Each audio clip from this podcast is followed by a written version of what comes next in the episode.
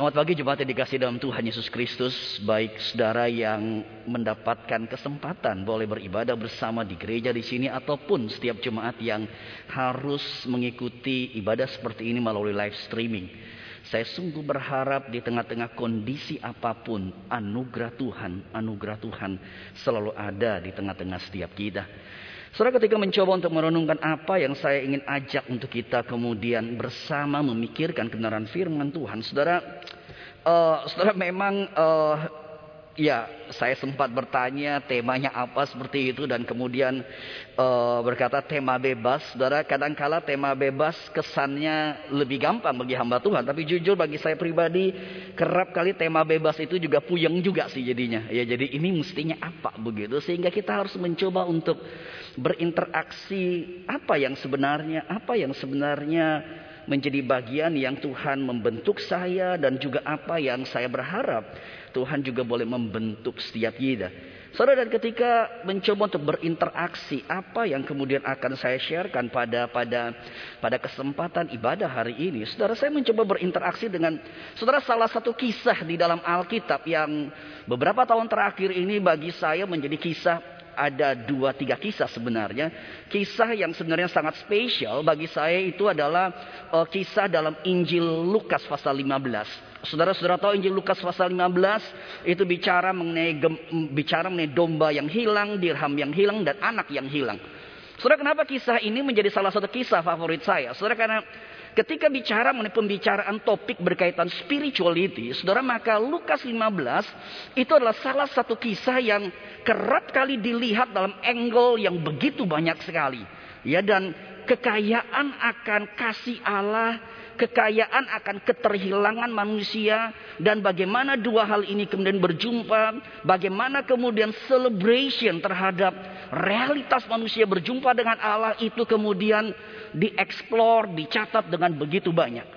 Saudara kalau Saudara, saudara, bisa searching misalnya di dalam salah satu buku yang menarik adalah ketika bicara Henry Newman bicara mengenai the prodigal son, anak yang hilang, return of the prodigal son. Saudara maka kisah ini menjadi kisah yang menarik. Dan saudara ketika saya mencoba kembali berinteraksi dengan kisah daripada Lukas 15, saudara saya tertarik untuk kemudian kita mengeksplor lebih satu sisi yang Menurut saya kita nggak terlalu eksplor di situ, yaitu dari ayat 25 sampai ayat 32. Soalnya kisah ini adalah kisah mengenai si sulung, ya, kisah mengenai anak yang sulung, yang yang sebenarnya kisah yang menarik. Dia di rumah, tapi dia terhilang. Dia di rumah, tetapi dia terhilang. Saudara saya ingin membaca dari Lukas pasal 15 ayat yang ke-25 hingga ayat yang ke-32. Lukas pasal 15 ayat 25 hingga ayat yang 32. Demikian bunyi firman Tuhan. Tetapi anaknya yang sulung berada di ladang dan ketika ia pulang dan dekat ke rumah, ia mendengar bunyi seruling dan nyanyian tari-tarian. Lalu ia memanggil salah seorang hamba dan bertanya kepadanya, apa arti semuanya itu? Jawab hamba itu, adikmu telah kembali dan ayahmu telah menyembeli anak lembu tambun.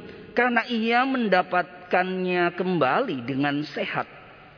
Ayat 28. Maka marahlah anak sulung itu. Maka marahlah anak sulung itu dan ia tidak mau masuk. Lalu ayahnya keluar dan berbicara dengan dia.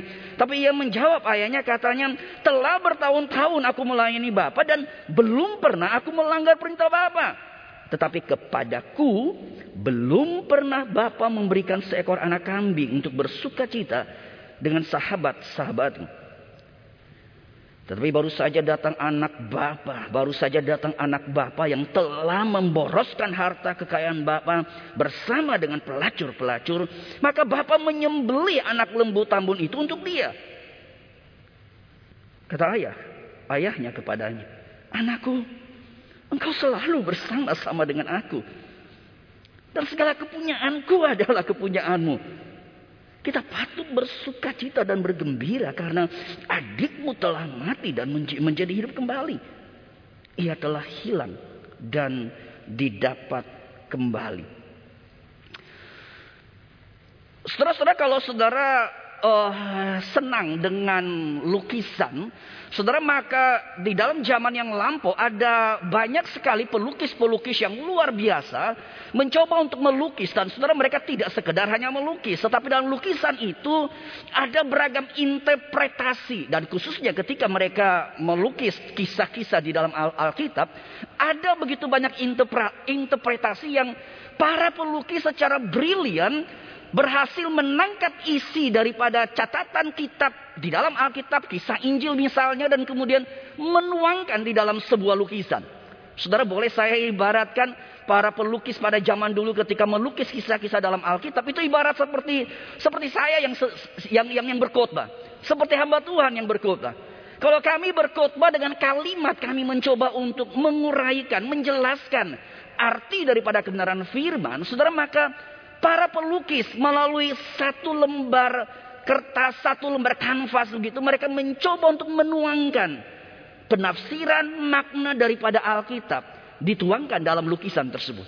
Saudara dan ketika bicara mengenai kisah daripada anak yang hilang dalam Lukas 15, maka satu lukisan yang yang yang yang kerap kali menjadi satu lukisan yang yang begitu luar biasa adalah, adalah lukisan berkaitan dengan lukisan Rembrandt, ya. Lukisan Rembrandt adalah lukisan seperti ini kisah anak yang hilang. Ini menjadi satu lukisan yang kerap kali disoroti oleh oleh banyak tokoh.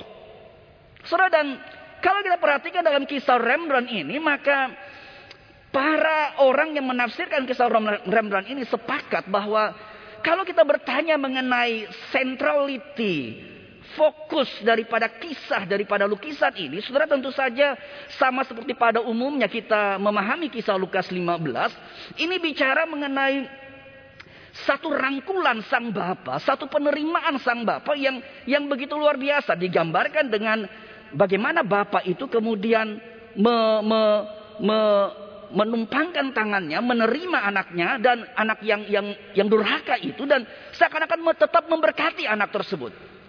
Saudara tetapi para penafsir sepakat bahwa kisah Rembrandt sebenarnya bukan sekedar centrality itu ada dalam rangkulan dan penerimaan sang baba.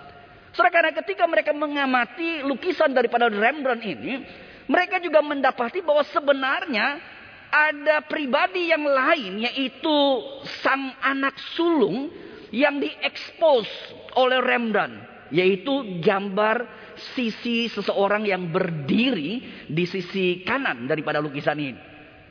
Dan saudara yang menarik adalah, adalah begini. Kalau saudara perhatikan dalam lukisan tersebut. Kenapa dikatakan gambaran anak sulung ini juga menjadi satu hal yang sentral. Saudara karena kalau saudara melihat proporsinya. Memang betul ada proporsi terhadap sang ayah yang menerima anak bungsu. Tapi gambaran mengenai anak sulung juga proporsinya juga lumayan di situ. Bahkan bukan hanya proporsi. Kalau sudah perhatikan maka Rembrandt itu sengaja memberikan satu color yang sama. Satu warna yang sama. Daripada jubah atau kostum pakaian daripada sang ayah.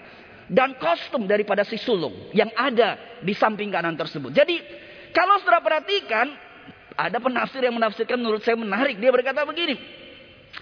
Saudara ngelihat di situ bahwa warna yang sama ini sebenarnya hanya ingin menegaskan. Mestinya ada tone yang sama antara sang ayah dan anak sulung tersebut. Yang seharusnya diwakili oleh anak sulung tersebut dan tetapi anak sulung tersebut hanya berdiri memangku tangannya dan dengan pongah melihat apa yang terjadi daripada kisah sang bapa dan anak bungsu tersebut. Saudara, bagi saya ini penafsiran yang menarik. Kisah mengenai anak yang hilang betul fokusnya adalah kepada sang bapak yang menerima anak bungsu. Tetapi kisah itu adalah satu kisah yang juga Rembrandt menangkap. Kisah si sulung itu juga harus menjadi kisah yang kita perhatikan dengan baik. Saudara dan kisah si sulung menjadi kisah yang menarik. Setidaknya dalam dua kategori yang kita bisa lihat yaitu sebagai satu hal yang kontras dan sebenarnya kisah yang sulung menjadi satu ironi, satu satu hal yang membuat aduh kenapa begini sih gitu loh. Kenapa terjadi seperti itu sih? Jadi hal yang kontras karena memang kisah yang sulung adalah kisah yang sebenarnya mengcounter kalau bicara mengenai kasih Bapa, maka si sulung ini bicara mengenai seperti para ahli Taurat, orang Farisi yang bersungut-sungut. Jadi kalau saudara lihat Lukas 15 settingnya kenapa kisah gembala uh, domba yang hilang, dirham yang hilang, anak yang hilang muncul. Jadi latar belakangnya karena ada sungut-sungut daripada ahli fari, orang-orang Farisi dan ahli Taurat. Ketika mereka melihat bagaimana Yesus deal dengan orang berdosa.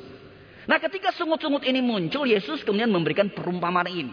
Jadi si sulung menjadi representasi daripada ahli Taurat. Dan di situ mau dikontraskan. Ada kasih Allah yang luar biasa, tetapi sebaliknya ada sikap sungut-sungut yang ada dalam pemimpin-pemimpin agama ini ada sikap yang sungut-sungut yang ada di dalam diri daripada si sulung ini.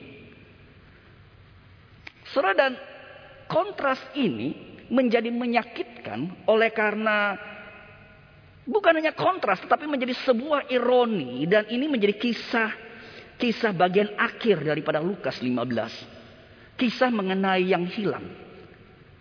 Kisah mengenai yang hilang bagian akhir daripada kisah ini, ending daripada story ini adalah dalam bacaan yang tadi kita baca atau bacaan yang bicara mengenai kisah yang sulung. Dan apa ending daripada kisah ini? Apa ending daripada kisah ini? Saudara kalau saudara perhatikan ending ini menjadi satu ironis karena bukan hanya kontras.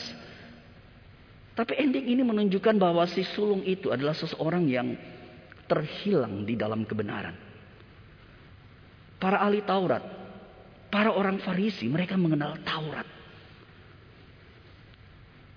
Tapi dalam Lukas 15, kisah ini diakhiri dengan kisah mereka yang sebenarnya hilang. Saudara dan kalau saudara membaca dengan seksama dalam kisah ini, kisah ini menjadi begitu ironis karena saudara kisah ini adalah kisah yang berakhir itu dengan si sulung itu ada di luar rumah. Tidak ada satu catatan bahwa si sulung itu ada di dalam rumah. Yang ada di dalam rumah siapa? Si bungsu. Yang ada di dalam rumah Bapak adalah si bungsu. Tetapi si sulung yang sebenarnya mestinya ada dalam rumah Bapak karena dia Hidupnya tidak tidak tidak rusak kayak si si si bungsu itu. Hidup dia oke okay, seperti saudara dan saya. Saya percaya kita yang hadir di sini atau kita yang mengikuti kebaktian di rumah.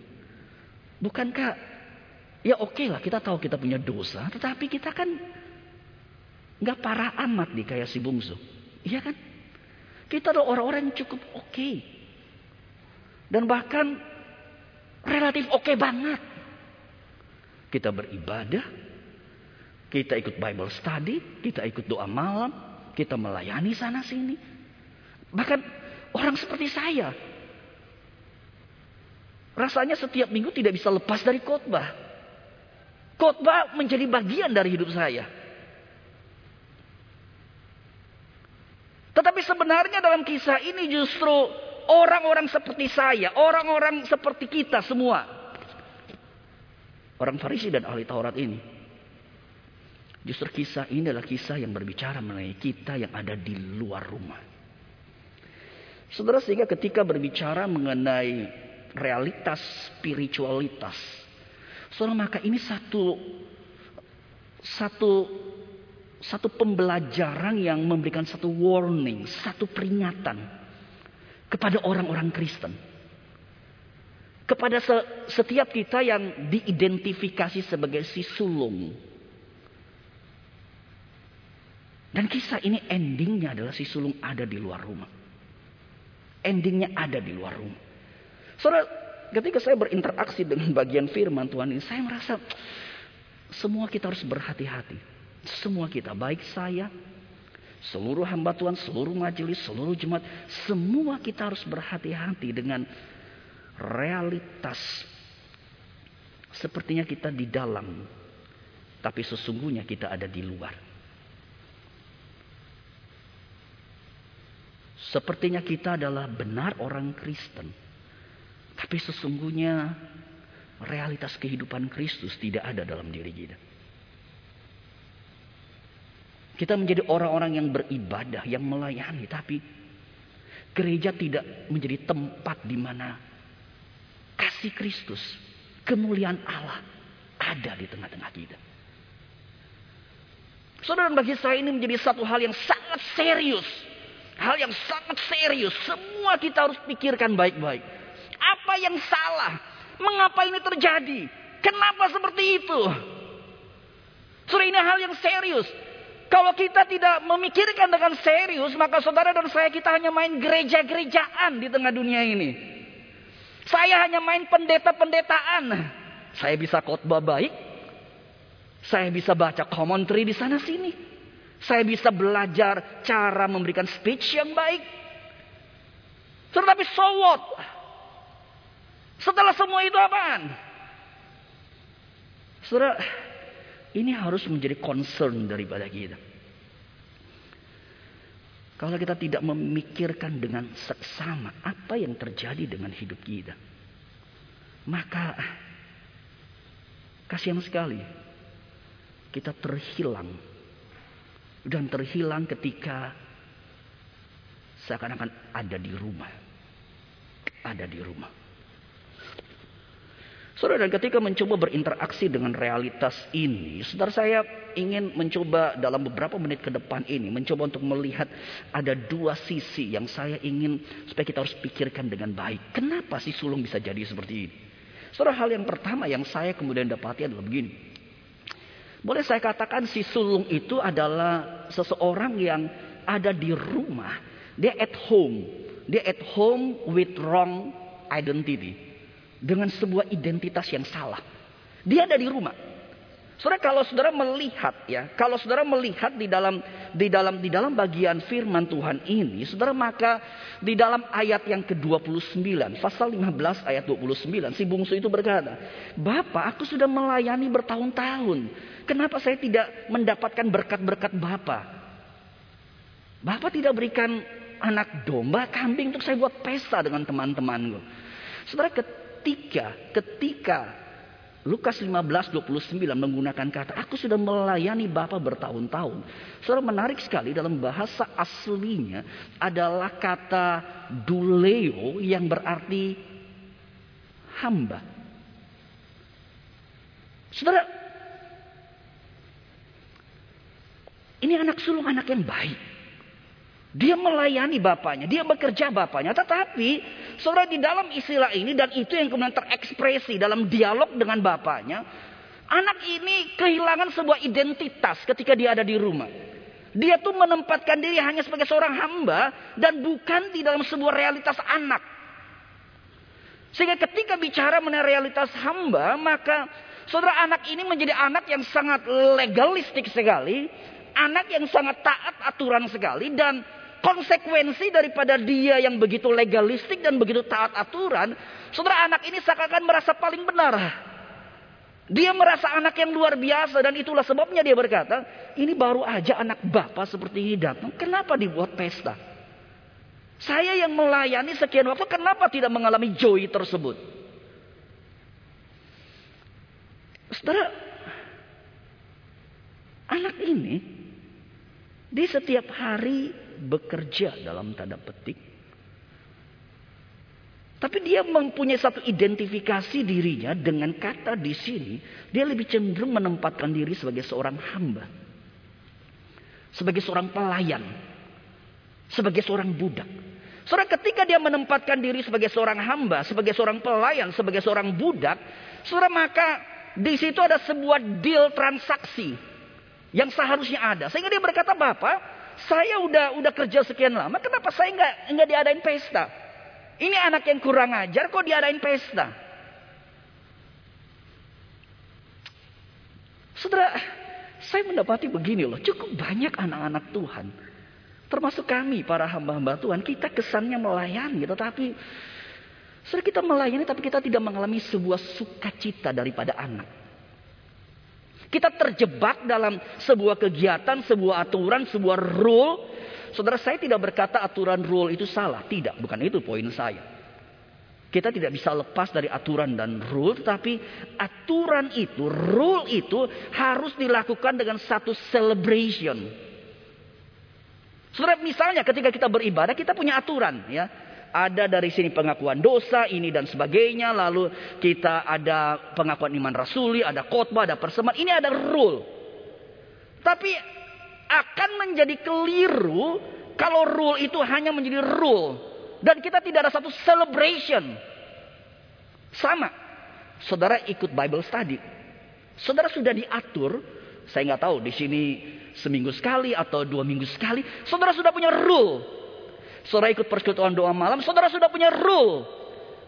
Hamba-hamba Tuhan ada doa pagi misalnya kalau dulu. Saudara sudah punya rule. Saudara hidup kita rule itu nggak bisa dihindari. Tetapi Saudara kita jalanin itu sebagai satu celebration atau bukan? Saudara membaca Alkitab. Saudara ikut dalam choir. Saudara lakukan itu sebagai satu hal yang hanya regulation, hanya dengan spirit hamba, atau ada spirit anak. Dan saudara percayalah, ketika kita lakukan semua kegiatan rohani yang baik, hanya dengan spirit hamba. Di situ akan menjadi masalah dalam kehidupan bergereja. Dalam kehidupan bergereja. Karena realitas legalistik akan terjadi. Realis, realitas menganggap saya paling benar akan terjadi. Dan spiritnya itu adalah hamba yang mencoba saya paling baik, saya paling benar, saya paling oke, okay, saya paling taat. Saudara kalau spirit anak, ya. Saudara siapa yang punya anak, ya? Atau siapa yang punya saudara bersaudara, lalu uh, tidak pernah kemudian bete dengan anaknya atau bete dengan papanya, bete dengan saudaranya, dan kemudian kita menerapkan sesuatu yang legalistik. Hidup keluarga bukan begitu, bukan? Setelah apalagi kalau saudara kita yang punya anak pada zaman sekarang, saya tuh kadang-kala berpikir, ini anak-anak zaman sekarang ya, kadang-kala papa baru ngomong satu kalimat, dia sudah ngomong sepuluh kalimat begitu loh jadinya. Lalu kita mau terapin apa? Legalistik di sini? Tapi justru di situlah ketika berhadapan dengan anak seperti itu, kita akan berelasi dan saling membimbing, saling berelasi di dalam family relationship di dalam relasi antar anak, bukan relasi hamba. Kalau relasi hamba adalah re re relasi di mana, oke, okay, lu masuk kantor jam begini, pulang jam begini. Lu masuk kantor, lu lakukan ini, lakukan ini, lakukan itu, lalu udah. Dan di situ kita tidak punya ruang untuk bersuka cita, ruang untuk berelasi, ruang untuk celebrate joy dan love. Saudara saya cuma mau berkata jangan terhilang di dalam kegiatan keagamaan. Jangan terhilang di dalam kegiatan keagamaan. Engkau entah sebagai seorang hamba Tuhan, sebagai majelis, sebagai staf di gereja ini, sebagai jemaat aktivis. Jangan terhilang di dalam kegiatan rohani. Saudara dan dinamika daripada keterhilangan daripada anak sulung ini menjadi lebih complicated. Menjadi lebih menjadi complicated di dalam poin yang kedua yang saya ingin ajak kita lihat bersama. Complicated yang kedua ini menurut saya ini menjadi hal yang kita harus sangat ekstra hati-hati lebih daripada poin yang pertama. Poin pertama ini basicnya betul. Tapi dinamika sebagai manusia complicated daripada anak yang sulung atau complicated dari hidup kebanyakan orang Kristen terhilang karena kita berhadapan dengan realitas saya sebut ada di rumah dengan emosi yang negatif. Saudara ketika membaca bagian ini saya cukup surprise ya. Oh, sebelumnya saya tidak terlalu memperhatikan realitas ini, tapi ketika saya mencoba untuk duduk menempatkan diri dalam realitas anak yang sulung, saya tertarik dengan dengan dengan ayat 28 ya. Jadi ayat 28 itu dikatakan begini. Jadi anak itu memanggil hamba ketika dia pulang ke rumah ada pesta gitu dia tanya apa yang terjadi. Hamba itu memberikan jawaban. Maka ayat 28 dikatakan begini. Maka marahlah anak sulung itu dan ia tidak mau masuk. Saudara ini kalimat yang menarik. Maka marahlah anak sulung itu dan ia tidak mau masuk. Setelah ketika mencoba untuk berinteraksi dengan statement ini, anak itu tidak mau masuk dengan realitas kemarahan yang begitu ada. Dan ketika membaca seluruh kisah Lukas 15, saya kaget. Kenapa saya kaget? Karena ini kata yang menarik. Oleh karena apa? Kalau kita lihat dalam keseluruhan Lukas 15, Lukas 15 itu bicara mengenai sukacita. Bicara mengenai kegembiraan. Ya. Jadi kalau saudara perhatikan kisah mengenai domba yang hilang diakhiri dengan oh malaikat bersukacita. Karena gembala itu mendapatkan domba itu lalu pulang kumpulin kita pesta bareng. Dalam kisah mengenai dirham yang hilang sama. Ketika dirham itu ditemukan celebrate, sukacita. Diajak orang kita pesta bareng. Kisah anak yang hilang sama. Di dalam ayat 32, papanya ngomong, lu kita harus bersuka cita, kita harus gembira. Adikmu itu yang mati sudah hidup kembali. Jadi sudah kalau perhatikan, Emosi yang seharusnya ada dalam Lukas 15 adalah emosi sukacita, kegembiraan. Tapi di sini terjadi twist. Kenapa anak sulung ini terhilang? Menarik sekali. Alkitab berkata, maka marahlah dia. Saudara, John Calvin berkata bahwa antara mengenal Allah dan mengenal diri itu tidak bisa dilepaskan dan berbicara mengenai pertumbuhan rohani, step yang penting dalam pertumbuhan rohani adalah kita jujur menganalisa seperti apa yang ada dalam diriku. Emosi apa yang ada? Entah kebencian, kemarahan, kecewa, sakit hati, perasaan diabaikan, dilecehkan. Kita harus jujur dengan emosi tersebut. Dan kita bawa emosi itu kepada Tuhan dalam sebuah perjalanan rohani. Kalau kita tidak jujur, hidup manusia itu nggak bisa lepas dari emosi. Dan kerap kali emosi mendrive kita lebih daripada pemahaman kita. Kerap kali kita tahu itu nggak benar, tapi karena sudah emosional ya sudah. Emosi itu yang mendrive kita. Kerap kali saya tahu benar atau salah, tapi kalau saya udah bete, kalau saya sudah tersinggung, kalau saya sudah dilecehkan, sorry aja begitu loh emosi itu yang keluar meng, mengalahkan segala logika berpikir, segala pemahaman Alkitab kita. Saudara dan ini yang terjadi dengan si sulung. Alkitab berkata maka marahlah dia dan dia nggak mau masuk. Dia marah luar biasa. Saudara saya mendapati semakin hari dalam pelayanan. Termasuk sebagai hamba Tuhan. Kalau saya nggak beres dengan diri di dalam, jangan pernah pikir saya bisa melayani dengan baik. Saya ulangin statement ini sebagai hamba Tuhan. Kalau saya nggak beres dengan diri yang di dalam, jangan pernah pikir saya bisa melayani dengan baik. Bisa berkhotbah dengan baik, oke. Okay. Bisa memimpin kelompok kecil dengan brilian, betul sekali. Tapi sekali lagi, so what? Apakah itu yang Tuhan senang? Apa itu yang Tuhan mau? Bukan itu yang Tuhan mau. Bukan itu yang Tuhan senang. Yang Tuhan mau, yang Tuhan senang adalah semakin hari saya semakin menjadi seperti Kristus-Kristus kecil di tengah dunia ini. Dan orang lain bisa melihat. Ada Kristus yang saya hadirkan. Nah tetapi realitas Kristus yang dihadirkan menjadi satu realitas yang harus kita perhatikan dengan dinamika diri kita. Kalau nggak berbahaya sekali. Dan ini yang menjadi sebuah problem daripada anak sulung itu. Alkitab berkata maka marahlah dia dan dia dan dia tidak mau masuk. Dan saya mendapati cukup banyak dalam kehidupan kita sebagai orang percaya. Luka batin, emosi-emosi negatif ada. Dan membuat kita tidak bertumbuh membuat hidup kita tidak seperti Kristus. Saudara ketika berinteraksi dengan dengan dengan statement ini dan ketika mencoba melihat Alkitab dan juga kisah daripada anak sulung ini. Saudara, saya semakin mendapati realitas marah ini menjadi hal yang sangat serius. Jadi kebahayaan kemarahan itu tuh hal yang saudara jangan main-main. Ini serius benar. Serius benar. Dan itu juga yang terjadi dengan si sulung. Kalau saya tanya kepada saudara, saudara ingat kisah Alkitab pembunuhan yang pertama. Kisah apa?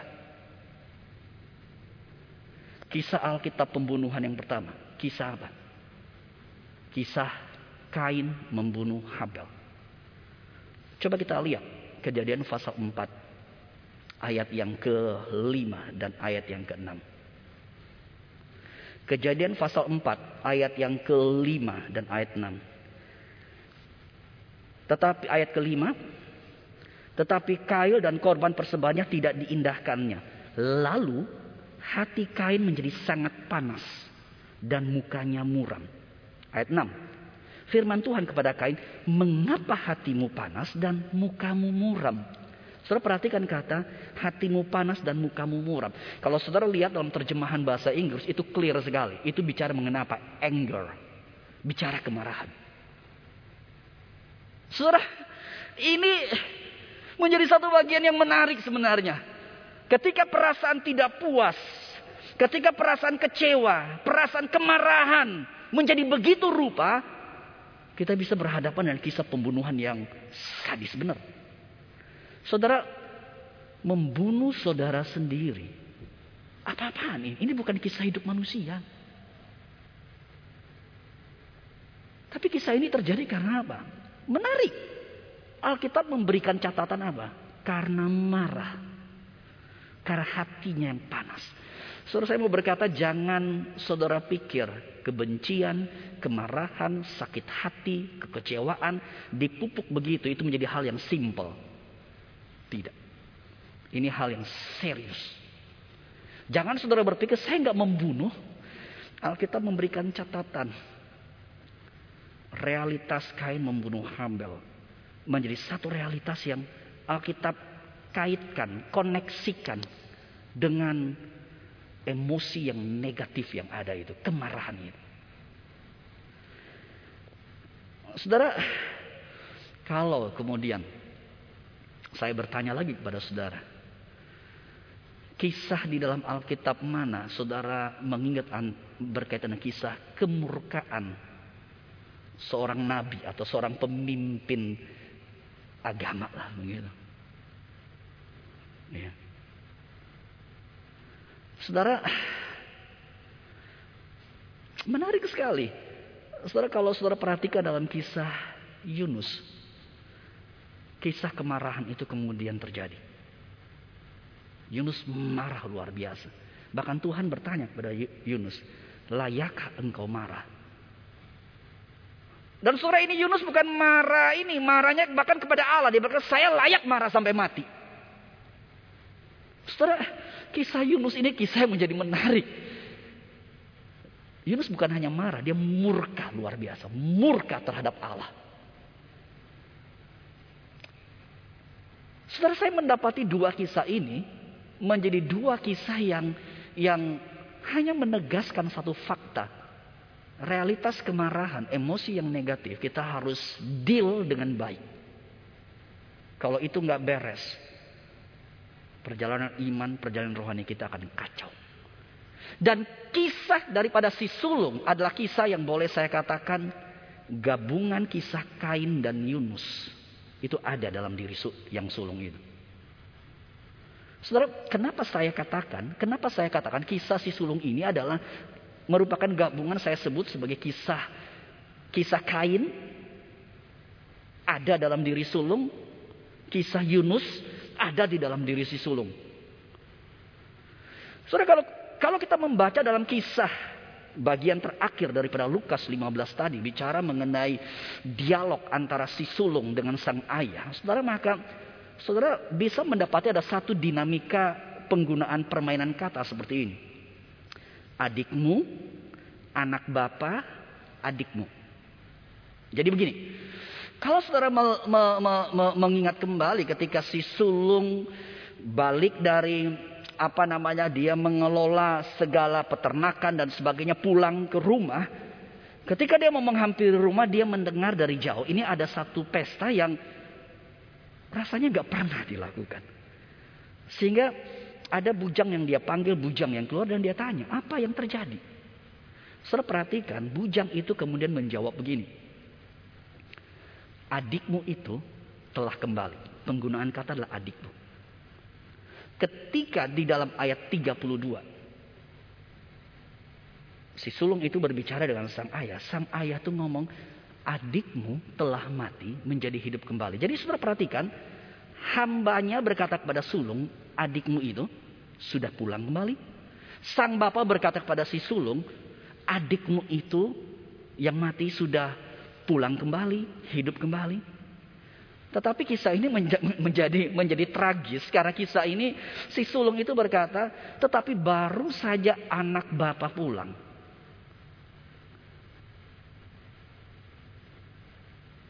Statement ini si sulung berkata, enggak, dia bukan adik gua, itu anak bapak.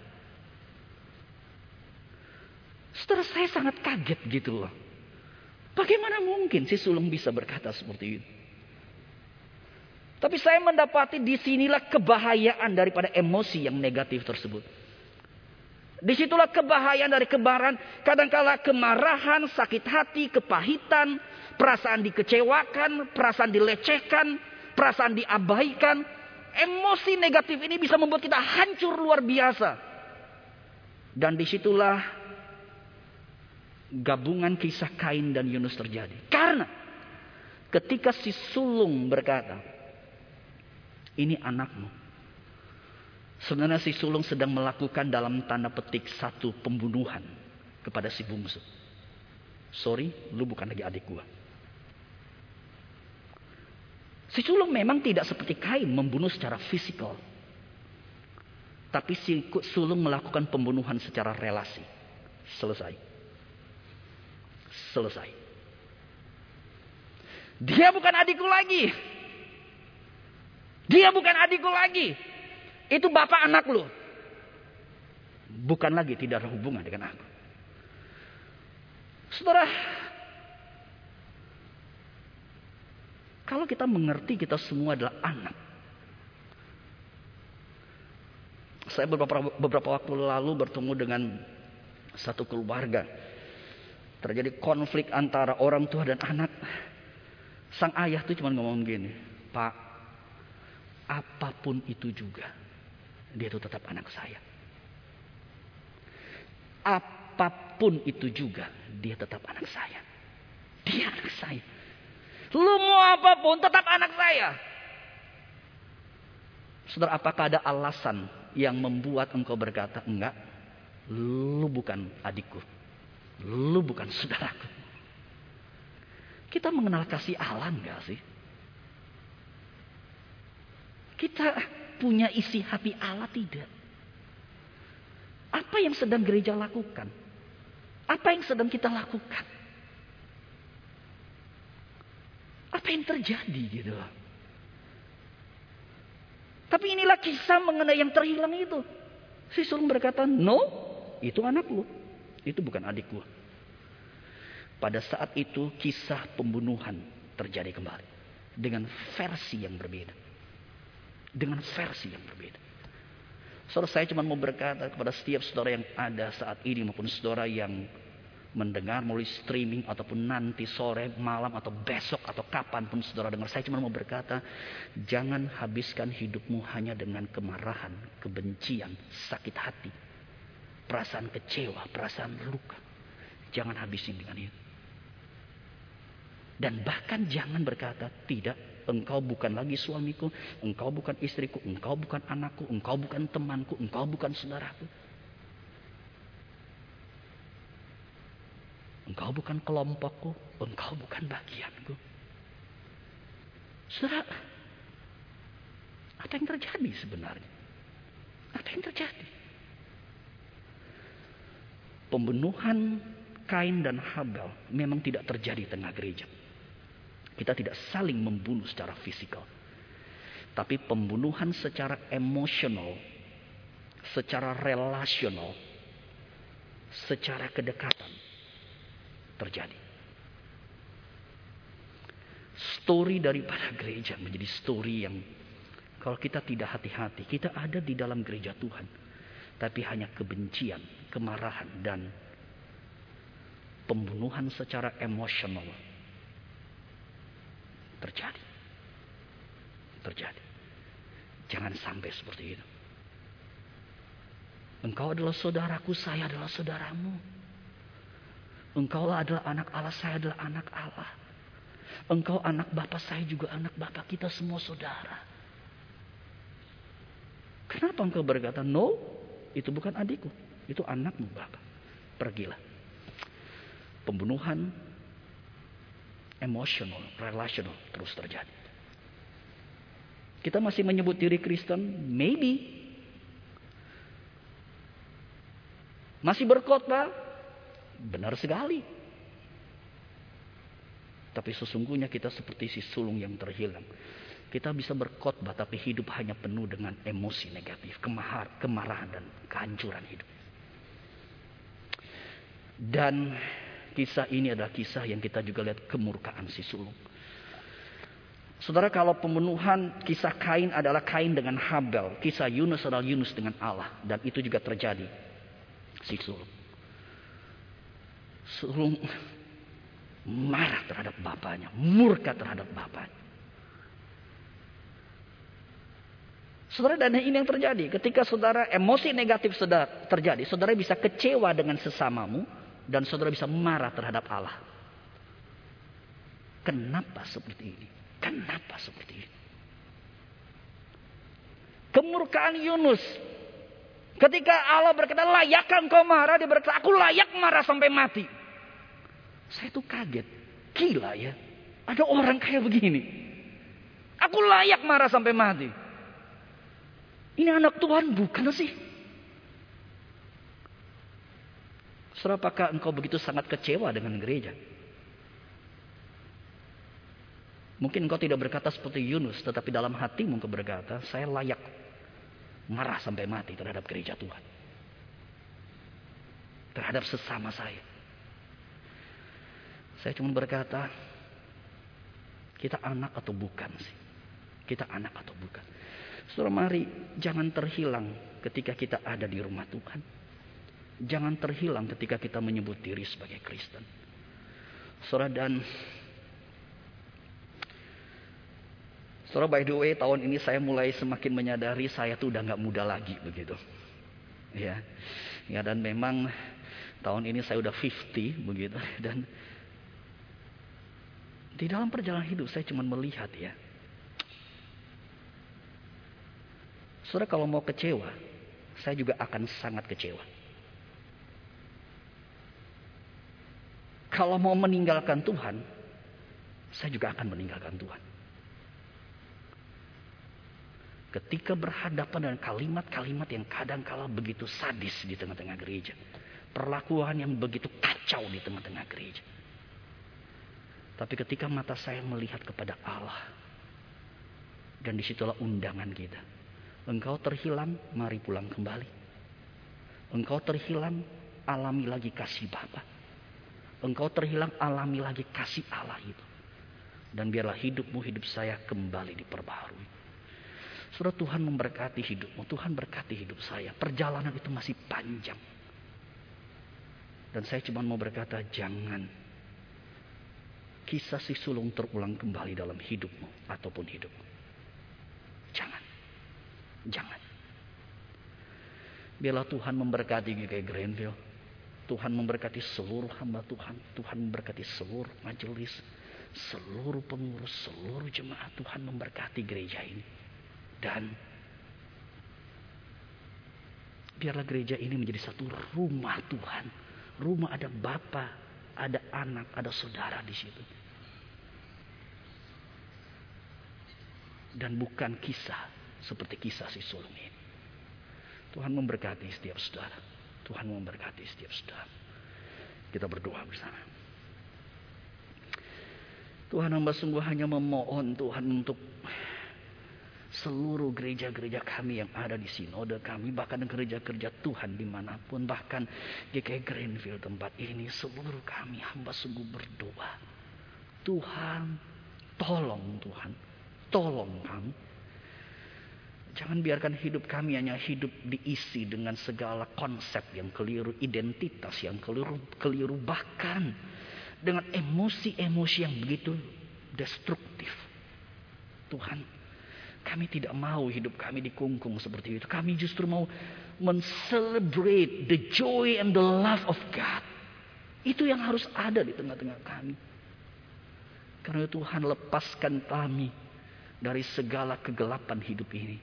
Dan hanya terangmu yang memenuhi kami. Hamba sungguh berdoa. Berkatilah Berkati setiap rekan hamba Tuhan. Berkati setiap rekan majelis, setiap pelayan, setiap jemaat. Biar kami boleh kembali mengalami kehangatan kasih Bapa di tengah-tengah gerejamu ini. Kami ingin mengalami itu Tuhan. Hamba sungguh berdoa, berkatilah, berkatilah. Dan bahkan kalau ada keluarga-keluarga di dalam relasi keluarga entah suami istri dan anak yang begitu begitu problematis Tuhan ingatkan seluruh kami tengah keluarga pun kami adalah satu di dalam Kristus kami sudah disatukan oleh Tuhan sehingga apa pun itu apa pun itu setiap keluarga Kristen harus menjadi kehadiran Kristus kehangatan kasih sukacita ada tengah-tengah kami berkatilah setiap keluarga dengarlah doa kami dan tuntun hidup kami Tuntun hidup kami ya Tuhan. Hanya di dalam nama Tuhan Yesus kami berdoa. Amin.